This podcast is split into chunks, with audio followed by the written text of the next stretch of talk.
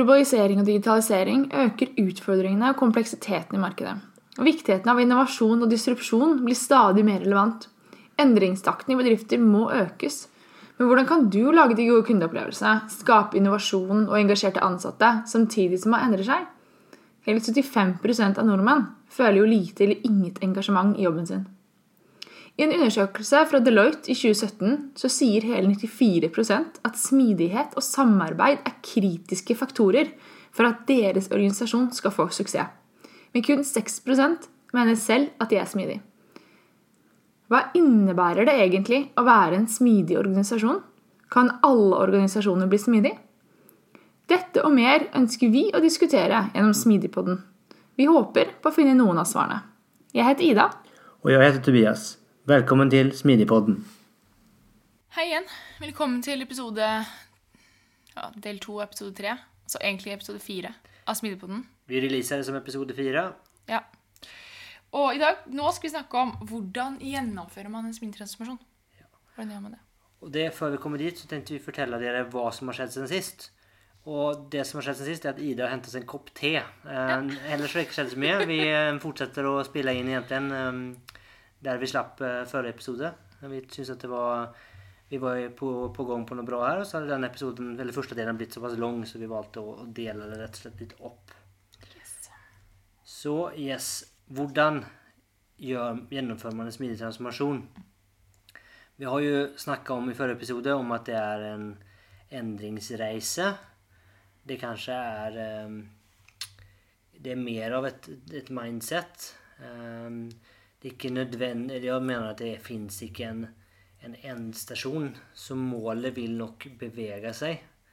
Og du har jo prinsipper som kontinuerlig læring, kontinuerlig forbedring som veldig sentrale prinsipper. Så hvis du har en ønskede tro på liksom kunne sette sjekk Nå er jeg ferdig, nå er jeg smidig, nå kan jeg liksom smooth sailing from here, så tror jeg du Da må du rett lenge. Du må nå gi opp, tror jeg. Ja. ja. Det er liksom Smidig er ikke målet. Og du kan ikke si at å, nå skal vi finne på en smidig prosjektmetodikk. Nå skal vi finne på en smidig ditt eller datt. Smidig er prosessen. Det er reisen. Det er verktøyet du bruker.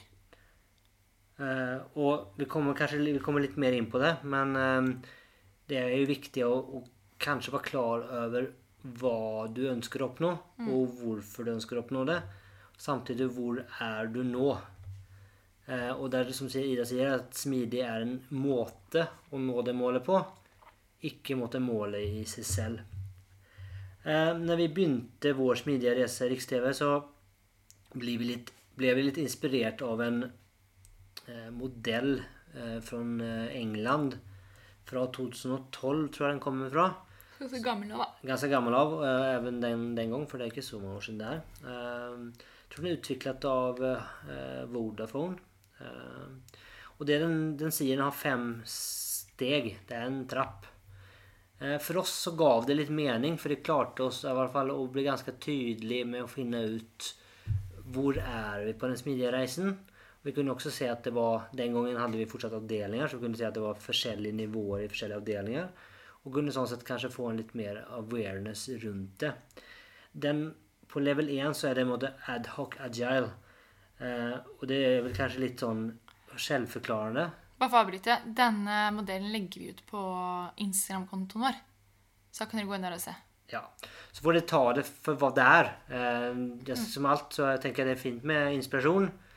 Ikke kopier, ikke bruk det slavisk til noe, men, men, det kan være Det, det, det sier litt. For det, det som jeg syns er litt fint med den, for liksom på neste, på level 2, så er det doing agile. Og da kommer vi litt sånn over på ja, som vi snakka om før. Liksom det er litt sånn kaldt å gjøre scrum og sånne ting. Eh, nivå nummer tre er being agile. Altså du, du, rett og slett er smidig. Og det har litt andre, andre, andre, andre krav. Nivå fire er thinking agile. Og nummer fem er culturally agile. Så det vil si at på, liksom, på høyeste nivå så er måte, smidig kultur er måte, kulturen i selskapet. Eh, og på den måten så kan du kanskje jobbe litt mer aktivt og ha en forståelse i ledelsen hvor, hvor vi står. Og der man kanskje sier okay, men nå gjør vi Vi, vi har implementert Scrum, og vi, vi gjør standup. Så liksom med, litt vilje kanskje vi kan si at vi er på nivå to. Og har vi da et mål å komme på nivå 5 så har vi kanskje en jobb å gjøre. Og det krever kanskje litt mer enn eh, whiteboards og gira. Hvis du har slack, så er det greit. Kreves mer enn slack og Yes. Eh, det var, det, var var fint sted å starte. Ellers så hva, tenker du at vi skal gå videre på? Jeg tenker, Det er jo en, eh, en modell som eh, som for er på, på svensk, men jeg regner med at de fleste av lytterne våre forstår det. Den har vi også lagt ut på um, Instagram-siden vår, som viser litt en, måte, en modell for agil endring, som vi syns er veldig fin. For det er jo nok dessverre sånn at når de fleste setter ut på det her, så har man kanskje ikke helt skjønt det. Og de fleste ledere, de vil, da vil man ha en plan som man kan følge til produkt og prikker. Man kanskje vil ha til og med en dato når man skal være ferdig. Med milepæler, og gjerne datoer på milepælene. Ja, og så vil man gjerne vite hva det skal koste, og så vil man vite eksakt hva effekten ut av det er. Og hvor mange ressurser du skal bruke, hvor mange timer du skal legge ned.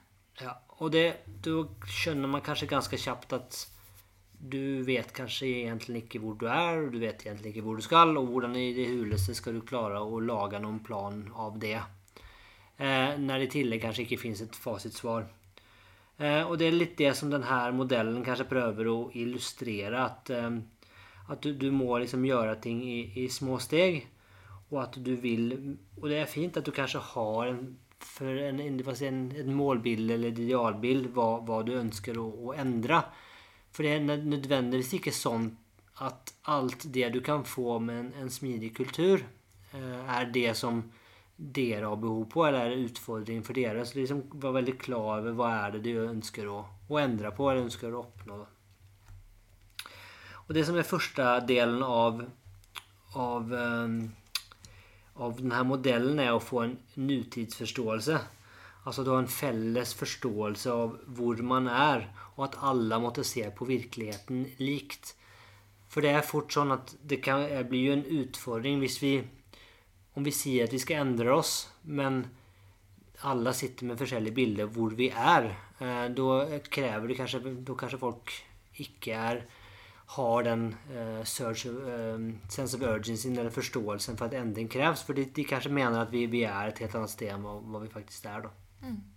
Så den felles virk, virkelighetsoppfattelsen ja. er viktig. Og så er det jo viktig å si at man må jo starte et sted. Det må man. Det er kjempeviktig. Og så vil jeg gjerne trekke fram én ting. For det er en ting jeg leste i en artikkel her for litt siden. Uh, så var det en eh, Jeg ikke hva forfatteren heter, men han sier liksom at det første du må huske når du eh, lager en agile transformation strategy, er at uh, hvis du ikke har teams, hvis du ikke har backlog, hvis du ikke produserer uh, fungerende testeprodukter hyppig, uh, så gjør du ikke smidig. Gjør du ikke agile, da, som man skriver, man skriver på engelsk. Selv om du gjør scrum. Og det er jeg ikke helt enig i. Nei, jeg er helt enig i at ehm, det, er godt mulig at du vil ende opp med noen form av backlog. Eh, du vil kanskje ende opp med et team som organisasjonsstruktur. Men det er liksom ikke Det er ikke målet. Og det er ikke nødvendigvis at det er ting du skal igjennom eller må igjennom for å nå det målet heller. da. Mm. For det handler jo om det at du må selv, eller dere må selv, definere hva smidig betyr for din organisasjon eller din avdeling. Og så har man jo noen grunnleggende prinsipper i smidig, men dere må jo selv avgjøre og være samstemte om hva dere legger i disse prinsippene hos dere. Og det er jo jeg tenker det, det som, som, er viktig her, det er jo at Man snakker litt om det er veldig lett. Jeg tror det er liksom kanskje litt menneskelig at man gjerne hopper på løsning. Og det der kanskje den her liksom tjater jeg litt om det cargo cult-biten, men det er, liksom, det er derfor det er så veldig lett å liksom hoppe på noe som andre har gjort. For det er så handfast og fint. Men at du skal prøve å holde det i liksom problem space. Altså hva er det for, hva er det for problemer vi faktisk har? Hva er det for utfordringer? Og sen, når vi er omforent det, så kan man kanskje begynne å diskutere og teste løsninger. For ikke, mest sannsynligvis så vil ikke dere finne en silver bullet, og så implementerer vi det, eller gjør det, og så er allting happily ever after. Utan vi må liksom begynne å teste, vi begynner å eksperimentere. Men vi må først være veldig klare at hva er det for problem vi har, og hva er det for problem vi ønsker å løse. Og det der er kjempevanskelig. For det utfordret eh, du meg på. Um, og eh, vi jo prøvde å gjøre det på jobben, og vi hoppet på løsning med en gang. Så det krever utrolig mye å klare å bli i den problem spacen. Uh, mye mer enn man tror, for man glir så fort over til løsning, for det er det du er så vant med å gjøre. Ja. Og det er kanskje det, det er gøy òg. Altså, ja, det er kjempegøy. Problemer er jo liksom litt sånn kjipt, men løsning er jo positivt. Så det er liksom kanskje noe i det òg. At du liksom ja. sklir lett over til det. Og da glir vi jo litt inn i på det neste steg på, på denne modellen her, da. Eh, og det er jo det at du må ha et form for liksom, neste forbedringsmål, da. Og hvordan skal du klare å finne det målet?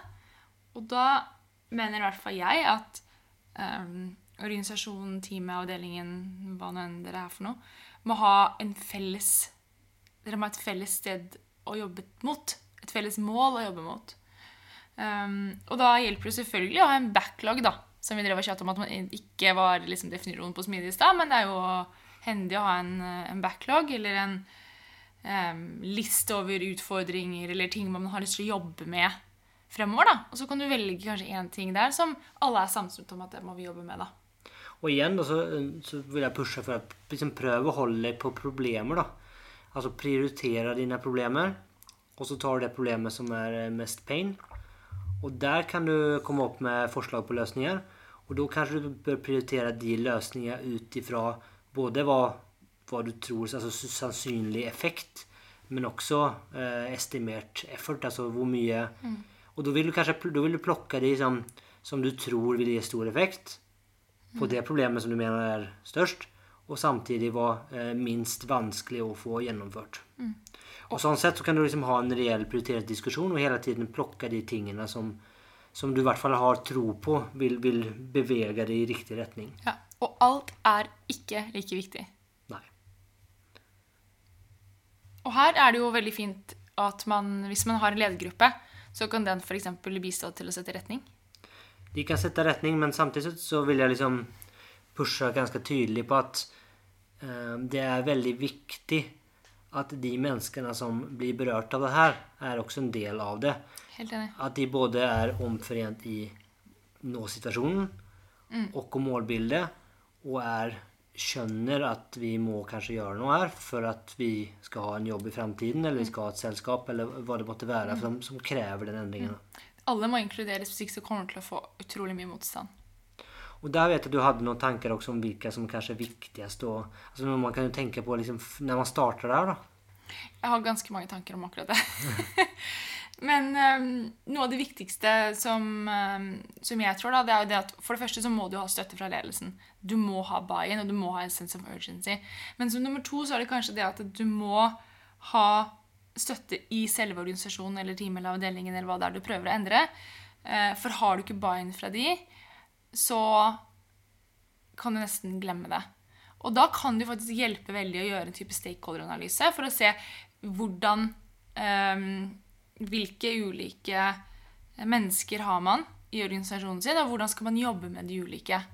Og da kan det jo være en god idé å kanskje identifisere de man tror kan være de tøffeste motstanderne, og overbevise dem om at smidig er noe positivt for dere, noe bra for dere. Og da sier jeg liksom at man skal overbevise dem med fakta og få dem over på laget ditt, ikke manipulere dem. For da mister du dem. Da kan du miste dem like fort som du får dem. Det kan slå, slå helt feil, så det er liksom um, De må tro på det, de òg. Ja. Og, og der kommer kanskje, det har vi kanskje ikke vært inne på, men jeg mener at skal du lykkes som en, hva skal jeg si, en smidig uh, Hva kaller det? Inspiratør eller uh, eh, Smidig inspirator. Inspirator eller liksom eh, igangsetter eller eh, pådriver. Eh, så må du liksom tro på det såpass mye, sånn at du klarer å få andre til å tro på det du tror på. Det tror jeg er litt nøkkelen her. Du må leve det selv. Du må leve det selv. Og, og som Ida er inne på, jeg, at, eller jeg er helt sikker på at du, du må ha støtte fra ledelsen. Men jeg tror at for å få en lykkad transformasjon, så tenker jeg en kombinasjon med at det blir drevet både underifra og ovenifra. Gjerne samtidig, og gjerne i tett dialog. Det tror jeg er en, en fin nøkkel å, å få til. Og det kan godt være så at ledelsen ikke skjønner hva de har bestilt, Men de må i hvert fall si at de ønsker det, og, og få, få gi ressurser og tid til å prioritere det. Og måtte si, sanksjonere det. da. At det er veldig viktig. De må egentlig liksom gi sånn empowerment til de som på en måte prøver å drive initiativet. Ja, og, og bygge de opp og, og gi de støtte og måtte vise at det her er det her er noe som, som vi ønsker, det er noe som vi vil, og, og også liksom få den sense of urgency at det her, det her er viktig at vi klarer å, å få til òg. At liksom pushe, bygge det opp, da. Det jeg også tror er utrolig viktig i, for å få til dette, er å ha Altså du må bruke litt smidige prinsipper da, i selve transformasjonen. Du kan ikke ønske å bli en smidig organisasjon, og så kjører du vannfall. Nei, Det det går liksom Ikke sant? Du må ha liksom gode diskusjoner, åpenhet, tillit i organisasjonen for å få til dette. Ja, så må, du må være smidig i din smidige transformasjon. Altså, du kommer trå feil, du kommer gjøre feil. Men det er helt greit. Men prøv å liksom være åpen og ærlig med det. Prøv å teste ingenting i liten skala. Ikke rulle ut et rammeverk i hele selskapet med flere tusen ansatte. Gjør det i liten skala. Test ting, lær ting. Ser du at det funker, ting får traction, eh, så kommer det også da går det lett av seg selv. Kolleger snakker sammen. Eh, result, liksom positive effekter. Det, det, det, ehm, det sprer seg som gressbrenner, og liksom, folk får det med seg. Og, sånn sett så klarer du liksom bygge attraction òg. At det er sånn Ja, men det der kule verktøyet eller det som dere gjorde der, det har vi òg lyst på. For, for alle har lyst til å liksom omgis av suksess og måtte lykkes, da. En ting som vi ikke har snakket så veldig mye om, og som man fort kommer inn på cargo cult, men det er dette her med liksom å ha gode verktøy. Det syns jeg er i hvert fall viktig. Fordi, og det er ikke det at uh, du får slack og så er du smidig. Det er ikke det det handler om. Men det handler om å ha gode verktøy, sånn at ikke det blir et hinder. Sånn at ikke det blir et tema som på en måte blir en blokker da, for organisasjonen. Fordi det blir liksom at gode verktøy det skal på en måte være en hygienefaktor. Det er bare noe som skal funke. Men igjen så tenker jeg pushe for at det er hva, hva er problemet du ønsker å løse. Og er du klar over problemet Ok, vi har kommunikasjonsproblemer, eller vi har problemer med å dele informasjon, vi har ja, det er andre hindringer, så kan det godt være at, at verktøyet er løsningen. Men, men det er liksom ikke nødvendigvis at altså, verktøyet er målet i seg selv, eller at det, det er det som er riktig, at selskapet er riktig i en annen.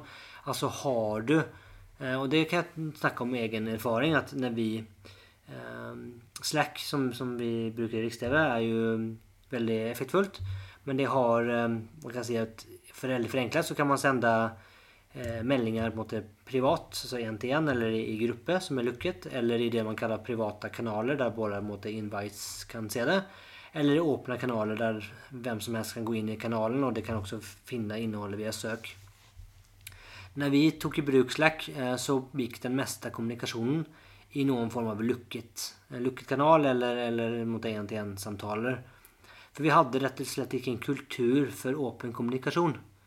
Men når vi ser at kulturen har endret seg, så har også mer og mer kommunikasjon flyttes ut. Så vi kan se at over tid har vi hatt en fantastisk positiv utvikling der mer og mer av kommunikasjonen nå går i åpne kanaler.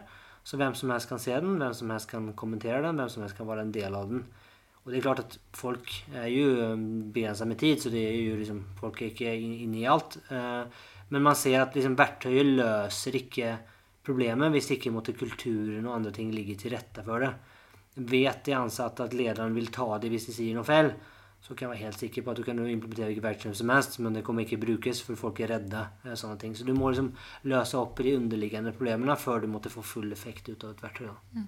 Den siste tingen jeg kanskje vil trekke fram akkurat på det her, er det at man må være tydelig om hvorfor man ønsker å gjennomføre en smidig transformasjon.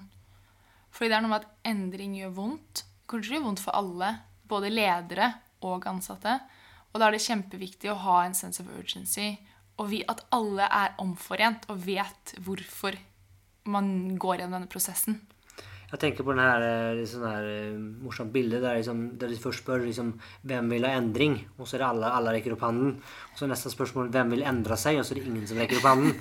Og det er vel litt sånn her, jeg tror liksom de fleste liksom syns det høres veldig kult ut med, med liksom en, en modern, hyppig, endrende, endringsduktig organisasjon. Men når det betyr at du skal gjøre ting annerledes, så er det ikke like gøy lenger. Nei, det er noe med det. For å trekke oss litt tilbake til modellen, så jeg tenker en, en annen viktig ting er jo det med kontinuerlig hindringsidentifisering. Og at du liksom feeder tilbake backloggen eller din lista med problemer, eller hva du ønsker å kalle det. For det er jo sånn at for det første så beveger seg omverdenen i, i høyt tempo. Og så har du, eller dere, begynt å bevege dere. Så den lista som dere kom opp eh, med, vil ganske kjapt både blir utdatert, men det er også det at dere har jo lært masse spennende underveis. Som kanskje gjør at dere liksom har en annen virkelighetsbilde og klarer å liksom faktisk ha en helt annen eh, fokus og mener at dere bør prioritere andre ting. Så det er liksom viktig å få inn den feedback-loopen og hele tiden se at liksom, hva er neste forbedringsmål, hva er neste ting vi skal ta tak i. Begynne å eksperimentere på det, og så ha det måtte gående. Og så må man få med altså både organisasjonen og ledelsen at det er masse usikkerhet. Det er masse, masse usikkerhet her. Og det må man være komfortabel med. Vi vet ikke når vi kommer på et nivå som vi kan være på et ønsket nivå. Og vi vet ikke hvor lang tid det vil ta. Og mest sannsynligvis vil vi aldri komme i mål. Um, som f.eks. i Riks-TV så, så prioriterer vi tre ganger i året på overordnet nivå, der vi flytter ressurser og midler mellom eh, forskjellige forretningsområder og sånne ting. Og den prosessen har vi tror jeg aldri vi har gjort like en eneste gang. Litt slitsomt for eh, selskapet, men det er liksom en sentral del at liksom hele tiden Ok, vi, vi prøver noe, vi lærer noe, og vi tuner. Og at du liksom har hele den, den syklusen gående. Og at du liksom hele tiden får inn forbedre ting. Ja, men jeg tror også det er veldig fint, for da får du et samhold i selve selskapet. Og ikke bare en samhold i et, en fast avdeling. Ja, at du, at du jobber mm. sammen på tvers, og at du kanskje er litt åpen med at det her er ja. ikke en endelig, endelig løsning. Mm. Jeg må jo si også at denne um, figuren er jo Jeg har brukt den med egentlig veldig god uh, suksess for å på en måte vise, visuelt framstille liksom uh, smidetransformasjon. da. Og da har jeg i hvert fall opplevd selv å få litt buy-in, og da har de kanskje forstått litt hva man snakker om at nei, men du kan ikke få en milepælsplan. Kan ikke få satte datoer, du kan ikke få et budsjett. Dr. Edwards Demming sier jo noe som, eh, som er litt morsomt, men som jeg syns egentlig alle skal ta med seg. Og det er det at eh, it's not necessary to change. Survival is not mandatory. Og det er vel kanskje det som er liksom på noe vis hele essensen her. At vi, vi må ikke endre oss, men vil vi liksom være konkurransedyktige og vil vi liksom ha et levedyktig selskap inn i fremtiden, da må vi endre oss. Og kanskje få den, få den forståelsen at det er liksom Som ting utvikler seg, så må du Antingen så er du med, eller så er du ikke med. Og så er kanskje den, den vanskeligste utfordringen av alle er jo hvordan skal du håndtere motstand. Fordi det kommer du til å få. Du kommer til å få motstand, og jeg tror du kommer til å få veldig forskjellig type motstand. Altså både underifra og overifra og kanskje til og med Ja, altså fra, fra kanskje som noen vil si, myndighet og, og mm lovgivning og sånn som kanskje ikke helt spiller, spiller på lag. Um, men jeg tror den beste og enkleste måten er jo å begynne i, i liten skala. Um, og faktisk vise at du får, får, effekter, får resultater av det. Mm. For har du vist at altså Det er én ting at, at uh, andre selskaper gjør det eller har gjort det bra, men kan du faktisk vise at det fungerer for oss òg, så, så er det veldig interessant. Og da er det jo det å både se på ok, klarer vi å levere verdi raskere til kunden. Er kunden mer fornøyd med løsningen vår? Men det går også på er ansatte mer fornøyd? Trives de bedre? Er det en morsom måte å jobbe på? For da vil det spre seg også. Ryktet vil spre seg om at å, dette er en morsom måte å jobbe på. Jeg har det mye mer gøy på jobben enn det jeg hadde før. Eller mye mer tillit fra, fra sjefen min, eller hva det nå skulle være. da. Det vil spre seg, og da er det flere som har lyst til å være med på det samme. Og da tenker jeg at Eh, innsamling av data og måling er jo veldig, veldig viktig. Mm. Og det kan jo være Er du så heldig så at dere gjør noen form av målinger både internt og eksternt, så er det veldig bra. Eller så skulle jeg anbefale å gjøre noen form av miles, altså milepæle, eller hva skal vi kalle det, altså en, en baseline-måling eh, før du begynner, og se på hvor, liksom, hvor, hvor ligger vi, sånn at du faktisk har noe å sammenligne med. Og så er det veldig viktig som Eh, med alt du, du, gjør, så bør du sette deg noen konkrete mål. Altså hvilken, hvilke parametere er vi ønsker å bevege, og hvor mye. For gjør du ikke det, så vil du mest sannsynligvis uansett klare å komme opp med en sånn etterkonstruksjon der liksom alt, alt vil forklares som en suksess, eller liksom at du vil alltid kunne skylde på et eller annet. Så ha en, en formening om hvilke parametere du ønsker, og hvor, hvor, det ligger, hvor mye, hvilke du ønsker å um, påvirke det, og, og, og ta det måte, derifra. Det som er viktig å huske med det, er at det, ting blir ofte verre før det blir bedre. Så det kommer ofte kanskje så vil det gå litt ned på alle disse metricsene før det går opp. Det er, det er noe absolutt sånn at du kommer, kommer ned i grøfta før du må, må komme Mm. deg ut. Så du må gi det litt tid. Eh, og det er liksom klart, altså endring, endring gjør vondt. Eh, og er det kanskje et team som skal ta tak i det her, så, så er jo eh, altså en vanlig teamdynamikk-teori tilsier jo at måte, eh, effekten utover team vil jo, eh, vil jo gå ned eh, før den måtte gå opp. Mm. Så det er som Ida sier, at det er viktig at, liksom, at gi det litt tid før du måtte klare å se de, og høste de effektene. Ja. Og det er også kanskje spesielt viktig hvis man f.eks. leverer en Altså du, man leverer løsninger ut mot kunder. Eh, har man en IT-løsning, kanskje man får uventet nedetid. Kanskje får man faktisk mer nedetid enn det man hadde før. For man har ikke alt liksom, ram, rammene rundt da, for å klare å Som ansatte kan leve innenfor. da. Så må, du bygger jo opp alle disse rammene egentlig liksom, nesten litt på nytt. Og, så du må liksom tillate at du får noe, kanskje noen hendelser og litt nedetid. Og, Så det er, jeg tror jeg har snakka om det før òg, at det er jo den måten kanskje jobbe på og tenke på er kanskje ikke helt for alle. Eh, og jeg tror at eh, mest sannsynligvis vil kanskje noen synes at eh, det er for ustrukturert eller det er for eh, uklart av noen grunn, eller det synes at åpenheten er ubehaglig eller faktisk den tilliten at det plutselig må ta masse valg og masse avgjørelser selv. Det fins masse ting. Eh, Eller kanskje er ledere som føler at de har mist statusen sin eller autoriteten sin eller andre ting. Så at noen måtte slutte eller finne noe annet underveis, det tenker jeg også er naturlig og kanskje noe du dessverre må, må, må regne med.